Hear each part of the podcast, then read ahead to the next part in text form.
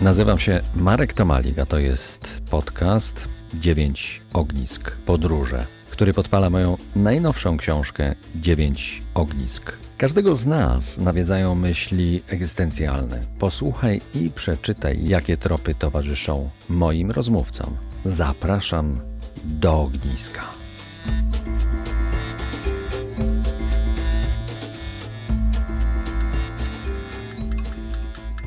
Moim gościem kolejnym podcastu 9 Ognisk Podróże jest Emil Wit.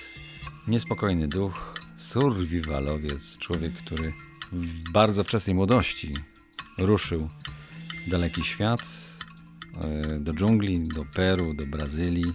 No i tam zaprzedał swoją, swoją duszę. Cześć Emil. Cześć. Bardzo miło. Jak leci? Powoli. Teraz ten wieczór powolny. Dzisiejszy dzień nie był powolny, ale, ale godzina yy, i, i te momenty patrzenia na księżyc, nastroje panujące w Beskidach spowolniły tempo kilkukrotnie. Cudownie, ale yy, powiedz mi, jak to wygląda tam w, w Ameryce, w, w południowej Ameryce, konkretnie ognisko? No bo jeżeli jest dżungla, jeżeli jest bardzo, bardzo wilgotno, no to chyba to y, za bardzo nie chce się palić. To pewnie są w ogóle problemy, żeby rozpalić coś. Tak, ognisko wygląda tak, że jest dużo dymu.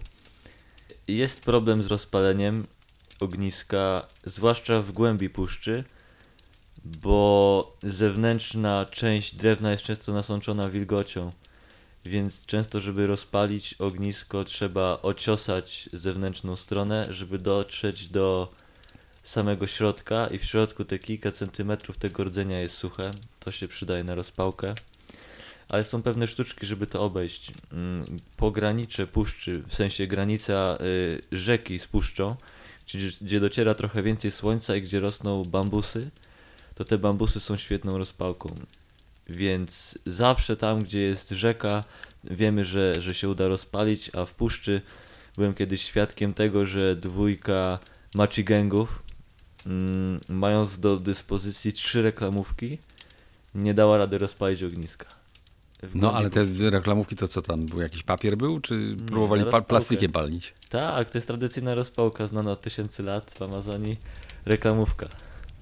No i to się tak dobrze pali ten plastik, tak? Tak, plastik się dobrze pali, bo jak podpalimy reklamówkę, to ona się zbija w taki glut i ten glut y, pali się dosyć stabilnym płomieniem przez kilka minut, no i można próbować nad nim kłaść różne rzeczy, ale ten, ale wiadomo, bardzo niemodny sposób na pozyskiwanie ciepła. No dobrze, a oni tam coś z tak zwaną ekologią, z plastikiem yy, są na bieżąco? Nie bardzo. Nie bardzo. Na statku nad, nad rzeką Ukajali byłem świadkiem tego, jak yy, śmieci po prostu, co im się tam zbierały, zbierali sobie śmieci na takim statku pasażerskim kilkupiętrowym, zbierali sobie te śmieci do tych reklamówek i to nie jest, że zbierali je po to, żeby później je yy, gdzieś wsadzić do śmietnika, tylko po prostu wylatywało to po prostu za burtę rzucali tymi reklamówkami. Mówi się, że przyczyną jest to, że po prostu żyjąc tam w głębi puszczy, w sensie ludzie, którzy się wychowali w głębi puszczy, mm, no chwyci patyk dziecko amazońskie i rzuci patyk, to ten patyk znika, bo się rozłoży, nie? I później ma coś innego, chwyci w rękę i nie ma powiedziane, że to coś się nigdy nie rozłoży. Myślę, że kwestia informowania. Chociaż jeśli nawet poinformujemy, że to tak długo leży i jest takie brzydkie, no to też kwestia estetyki, każdy ma tam inną. Ale po prostu, yy, czy to przekona? Nie wiem. Trudno mi powiedzieć. A powiedz, a miejscowi lubią palić ogniska? To jest jakiś zwyczaj, yy, rytuał, czy też tak, no okej, okay, żeby się ogrzać, żeby wysuszyć ubranie, ale nic poza tym? Ja znam dwa typy ognisk. Jeden typ ognisk to jest ognisko kulinarne, bo po prostu nie mają tam gazu, więc muszą palić te ogniska, żeby po prostu gotować.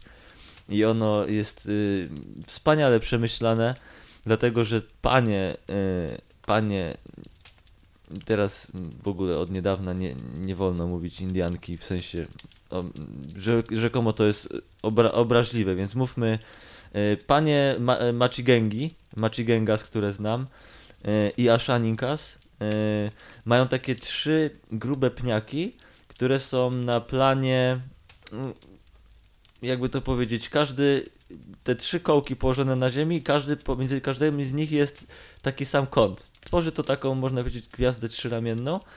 I na tych trzech kołkach yy, kładzie się garnek aluminiowy, zawsze jest kom kompletnie wytłuczony i nieregularny, bo oni trzymają długo rzeczy, nie wyrzucają ich.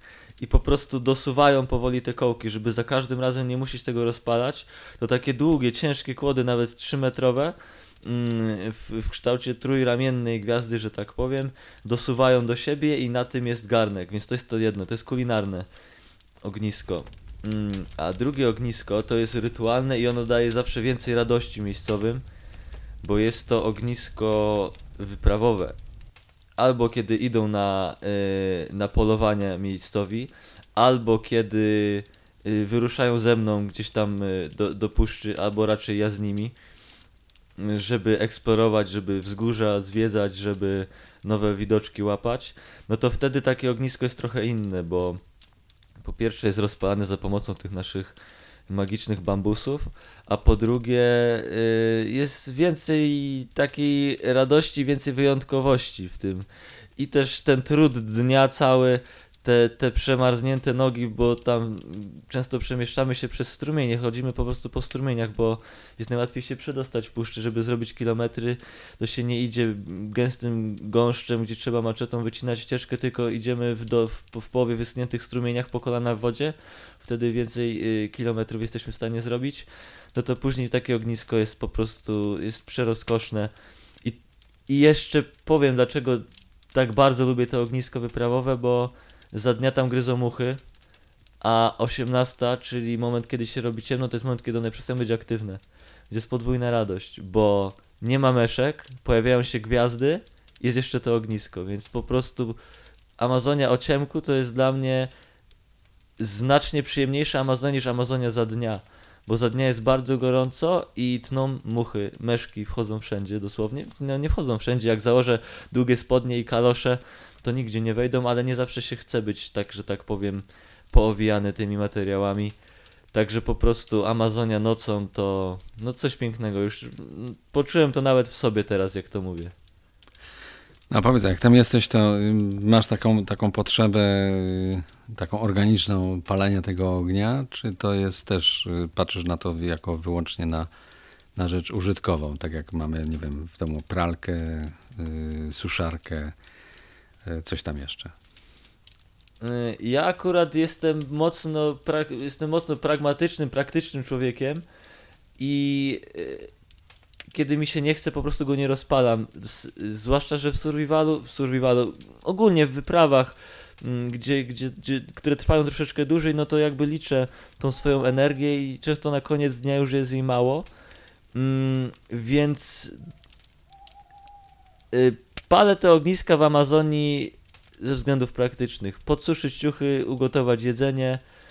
Mm, nie chyba, nie wiem czy mogę powiedzieć, że nie zdarzyło mi się dla sentymentu zrobić, bo kilka razy to na pewno było, ale często się spotykam z tym, że jakby ludzie, kiedy też, y, y, że tak powiem, podróżuję z Polakami, częściej z nich y, wynika to, żeby, żeby było miło, żeby była sympatyczna atmosfera, to robimy ognisko, a ja najczęściej robię to ze względów praktycznych, że po prostu przy ognisku to, to wiele rzeczy można zrobić, a oczywiście jako efekt uboczny jest to, że jest bardzo przyjemnie.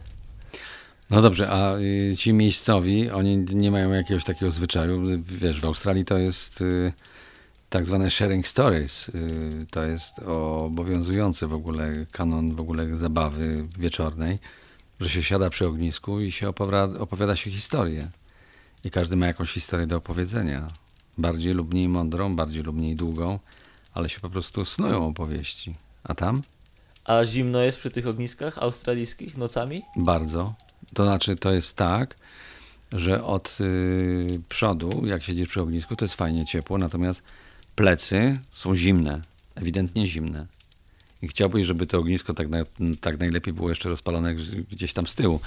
I zresztą tak aborgeni, aborgeni tak kiedyś y, y, robili, że palili, że tak powiem, szeregami te ogniska, żeby zapewnić sobie właśnie taki komfort. Oczywiście tego się teraz nie robi. Pierwsze, dlatego zadałem to pytanie, bo pierwsze co mi przyszło na myśl to, że cały dzień e, Machigengowie, których znam najlepiej, i A kto to są Machigengowie? to są e, plemiona amazońskie zamieszkujące centralne Peru, do rzeczy Urubamby. Bardziej na północ to już Ashaninkowie. Mm. I właśnie Machigengowie mają cały dzień gorąco, więc żeby oni rozpalili to ognisko wieczorem, a oni też są straszliwie praktyczni, yy, zero zbędnych ruchów.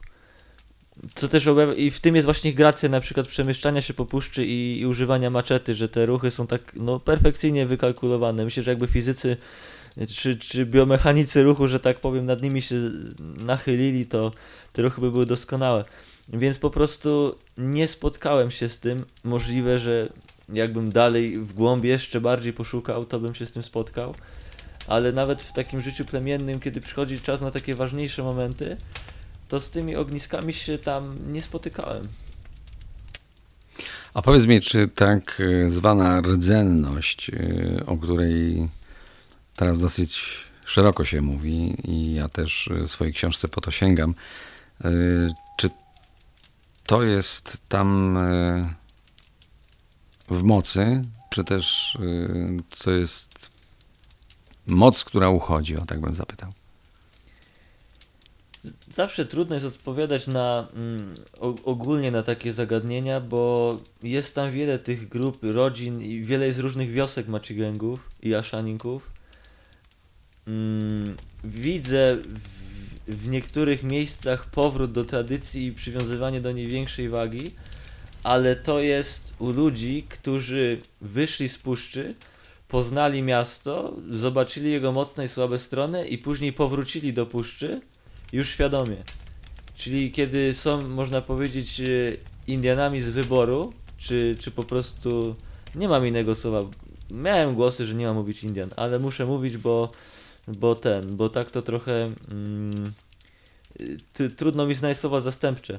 Więc po prostu kiedy oni do tej swojej mm, kultury powracają, widzą, widzą po prostu jakie ona ma, mm, kiedy widzą co miasto im zabrało i, i od czego byli odcięci w tym mieście, to kiedy właśnie wracają do tego, to to jest już bardziej stabilne i to jest już ich wybór i wtedy widać, że to w nich e, kwitnie. Oni chcą to tym się dzielić. Wiadomo, że to jest też podyktowane rynkiem turystycznym oczywiście i wiele, wiele plemion by nie, nie kultywowało tego, e, gdyby nie rynek po prostu na to. Ale widzę po sposobie mowy o ich tradycjach, o ich pieśniach, o ich wiedzy medycznej, e, w sensie ziołolecznictwa, widzę, że sposób w jaki oni, oni e, mówią jest taki, że oni wierzą w to, że to ma dla nich wartość realną, ale to jest właśnie u ludzi, którzy przeszli przez ten taki cykl, y, mm, sy, można powiedzieć, przeszli przez system i wrócili z niego do puszczy, a spotykam się też z tym właśnie, że mm, plemiona, które mają pierwszy, mają dosyć początkowy kontakt z cywilizacją, to są tak nią zachłyśnięci, że, że mocno traci na znaczeniu to, co było te ich tradycje, to co, to co się uczyli od swoich y, przodków. I te, te tendencje się też przelewają między sobą, to wszystko nie jest takie zero-jedynkowe. Mm, jest tutaj no taki spory amazoński kisiel bym powiedział, taka mieszanina. No a czy ten kisiel też dotyczy powiedzmy ich patrzenia na naszą wiedzę? No bo my mamy medycynę, mamy też y, naukę, mamy przedmioty, które są technologicznie bardzo zaawansowane.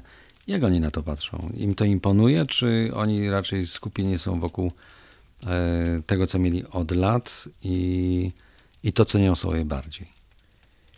Imponuje im to, y, te, te nowinki, ale też y, jednocześnie towarzyszy im to, że tak, trochę taka nostalgia, że ich na to nie stać, nie?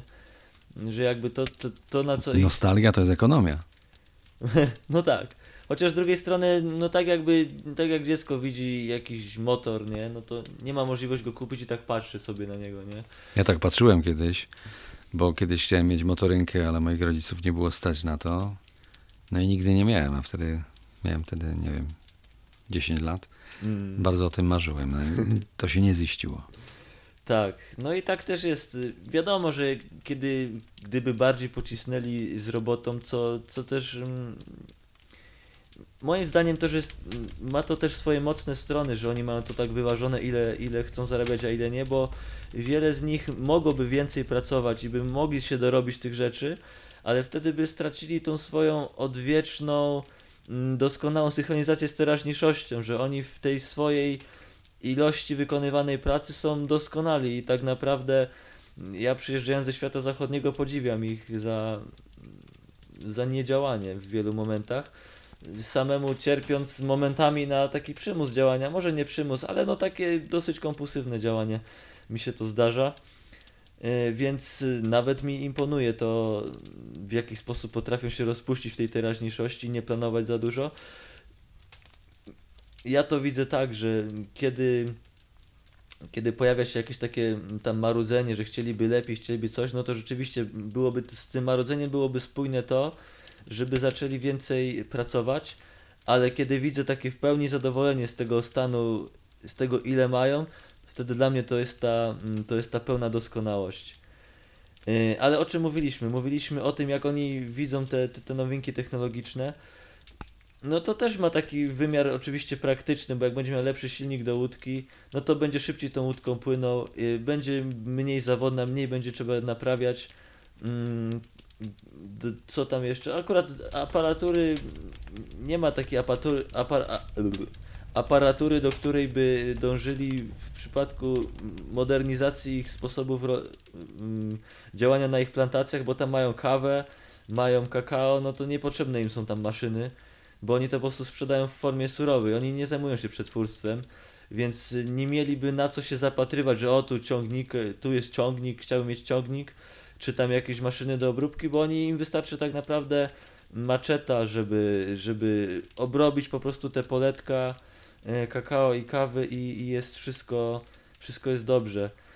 Motor, motorem w puszczy się za bardzo nie rozpędzi. On by musiał z tej, z tej puszczy wyjechać tak naprawdę, żeby się tym motorem czy samochodem nacieszyć, bo w puszczy nie ma, nie ma gdzie jeździć, bo są gęste krzaki, więc telefon. Telefon to jest dla nich coś super. Mm, ale jakby będąc w tej puszczy, oni się tym tak bardzo. Ja mam wrażenie, że w ogóle ci, którzy się zdecydowali więcej zarabiać i korzystać z tych takich zdobyczy cywilizacji, to oni się ja, jadą do miasta się cieszyć tym, bo kiedy są w puszczy, ja nie wiedziałem Indian, którzy by się cieszyli telefonem w puszczy. Ale zaś widziałem też takich, którzy poszli do takich przedmieści i w tych przedmieściach jakoś te, ta atmosfera przedmieści, to, że tam gdzieś zagra muzyczka z jakiegoś radyjka, to, że jest większy kocioł, ich bardziej skłania do tego, żeby się tymi nowinkami cieszyć, a w puszczy, no też siłą rzeczy jakby te plemiona, które odwiedzam w puszczy mają mniej tych, tych nowinek, więc po prostu tam telefonów najczęściej nie ma.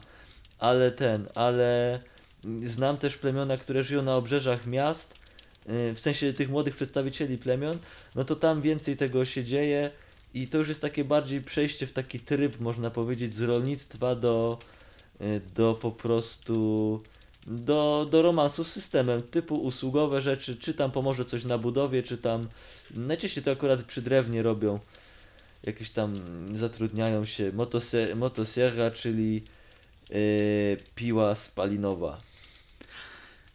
Użyłeś takiego bardzo ciekawego sformułowania. Powiedziałeś, że, że oni są e, zanurzeni w rzeczywistości, w teraźniejszości.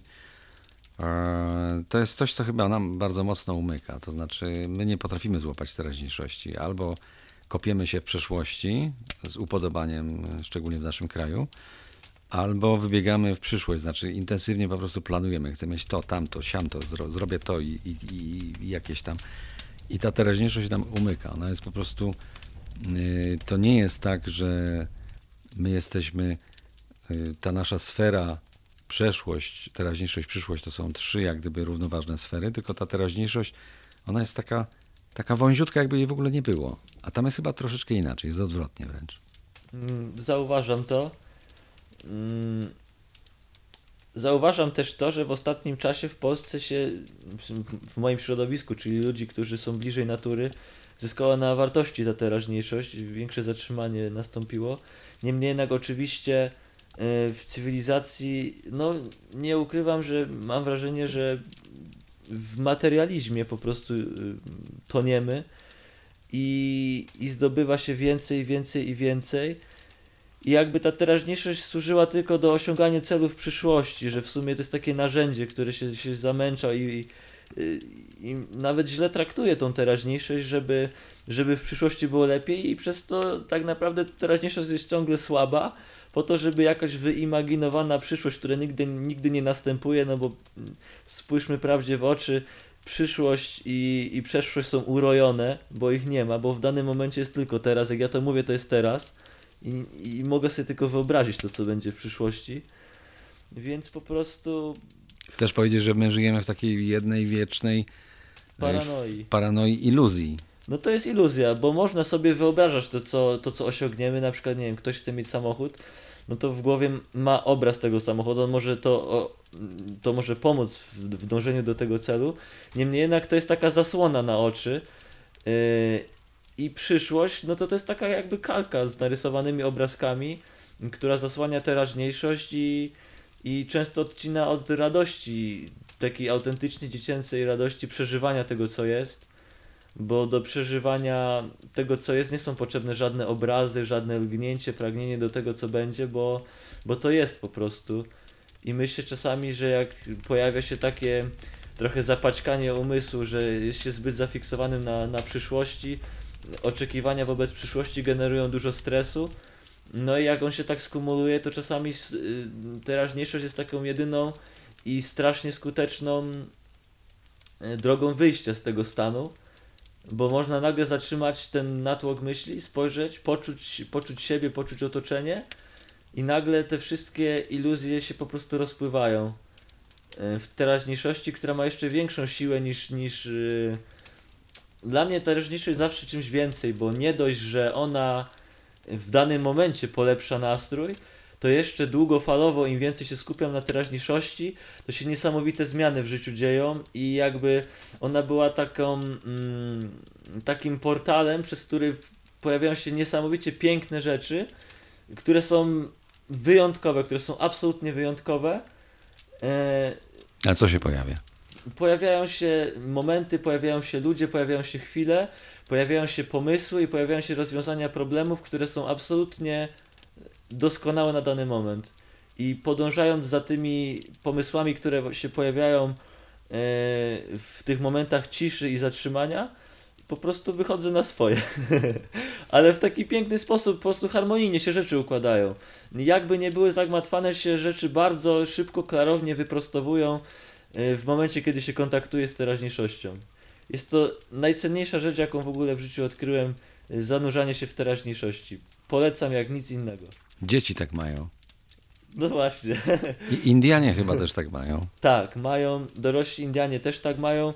Kiedy leci papuga, mm, dorośli Indianie emanują dziecięcym zachwytem. Wydają też takie dźwięki, jakie wydają dzieci, kiedy widzą zwierzęta. Tak jak dziecko o ma, jaki piesek! To Indian dorosły powie, o mira, este, este guacamayo! Takie po, podziw dla, dla, dla tych pięknych, dla tych pięknych y, zwierząt, dla tych papug, dla tych kolorów. Y, Indianie, kiedy opowiadają o swoim dniu, to co robili, to zazwyczaj się to ogranicza do tego, jakie zwierzęta widzieli, o jakiej porze dnia i mówią to z pełną fascynacją. I to jest dla mnie piękne, bardzo piękne. A powiedz mi, czy czujesz, że y, tak analizując różne rzeczy, które się dzieją, i tak y, zewnętrznie, i tak wewnętrznie, że idzie jakaś y, potężna, naprawdę potężna zmiana? Czuję, że powoli wychodzimy z symulacji, w którą zabrnęliśmy przez ostatnie stulecia.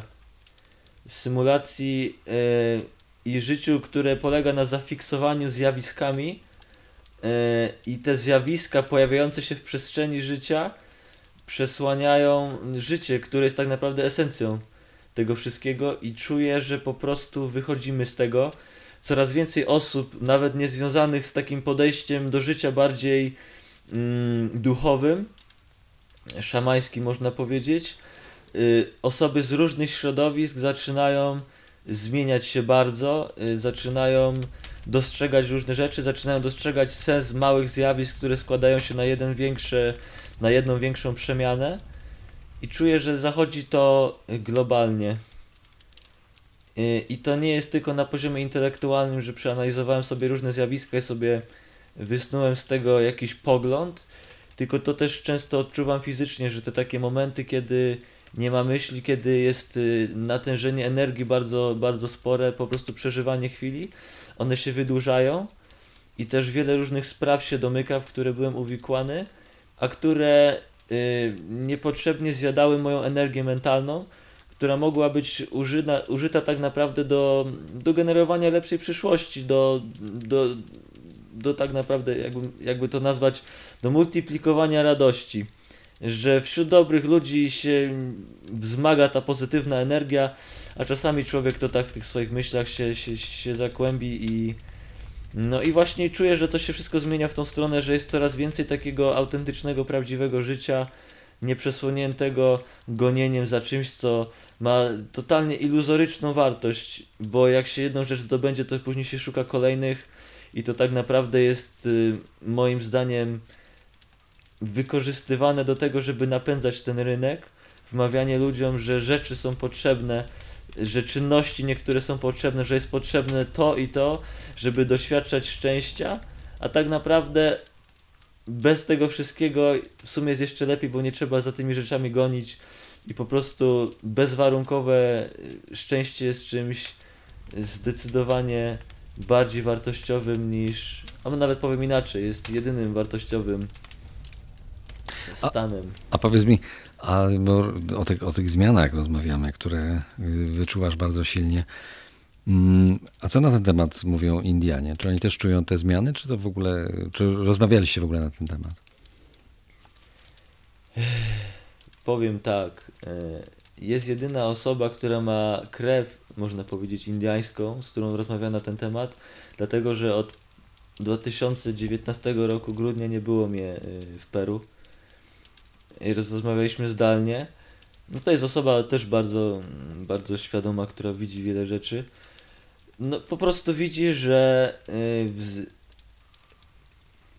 w ludziach budzi się y, powrót do, do korzeni, ale też y, wyraża swoją mm, trwogę, jeśli chodzi o, o to, co się dzieje w Peru, dlatego że w, w Peru nie do końca, y, w Peru nieduża liczba mm, osób y, ten, y, ten, ten, ten czas, te ostatnie dwa lata wykorzystuje do rozwoju, bo po prostu poszli za, mm, za tą tele, telewizyjną plagą strachu i, i, i właśnie ta osoba mm, się, no przejmuje się, może nie przejmuje, po prostu zauważa to, że, że kupili to, to, to te, ten, ten strach zapodawany w dużych ilościach w Peru i, i to jest to właśnie, to, to jest jedyny głos jakby y, od osoby mm, pochodzenia y, rdzennego właśnie w Peru, który mam, że, że po prostu zostali kupieni.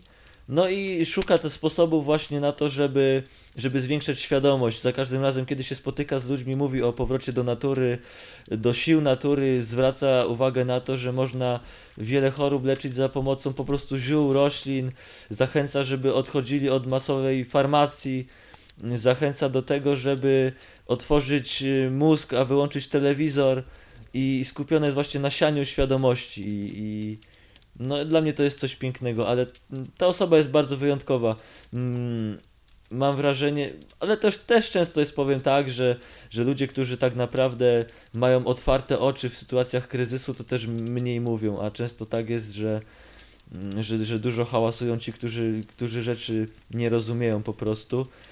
Yy, Ale mm, mimo tego czuję, że w Peru jednak yy, jest więcej pracy do wykonania, jeśli chodzi o, o świadomość różnych zjawisk, że tam po prostu wiele osób, że tak powiem, utknęło w tym bagnie, mm, bagnie strachu, które jest bezproduktywne. No to na koniec zawsze zadaję to pytanie. Kim, z kim chciałbyś usiąść przy, przy nie wiem, najbliższym, takim najbardziej mm, chcianym przez siebie ognisku? Trudno mi powiedzieć, e, kim będzie ta osoba, ale mogę powiedzieć, e, jakie to będzie to, to przebywanie przy ognisku. Albo powiem tak, że to będzie osoba, e, która ma w sobie taką przestrzeń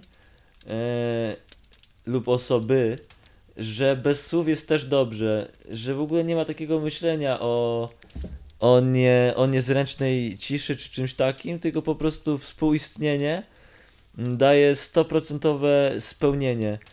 I, I tak naprawdę chciałbym, żeby ta osoba, z którą siadł przy takim ognisku, mm, jakby tą przestrzenią się ze mną komunikowała i możemy sobie rozmawiać, ale też powiem, nie ukrywam, że w ostatnich miesiącach coraz więcej mam takich spotkań, że już nie mamy o czym gadać, ale nie dlatego, że, że jesteśmy tępi, tylko dlatego, że tyle rzeczy już przeżyliśmy i zrozumieliśmy, że po prostu chcemy się cieszyć tą wspólną chwilą, że jesteśmy razem i się kończą słowa i my się z tego faktu, że się słowa kończą, po prostu cieszymy.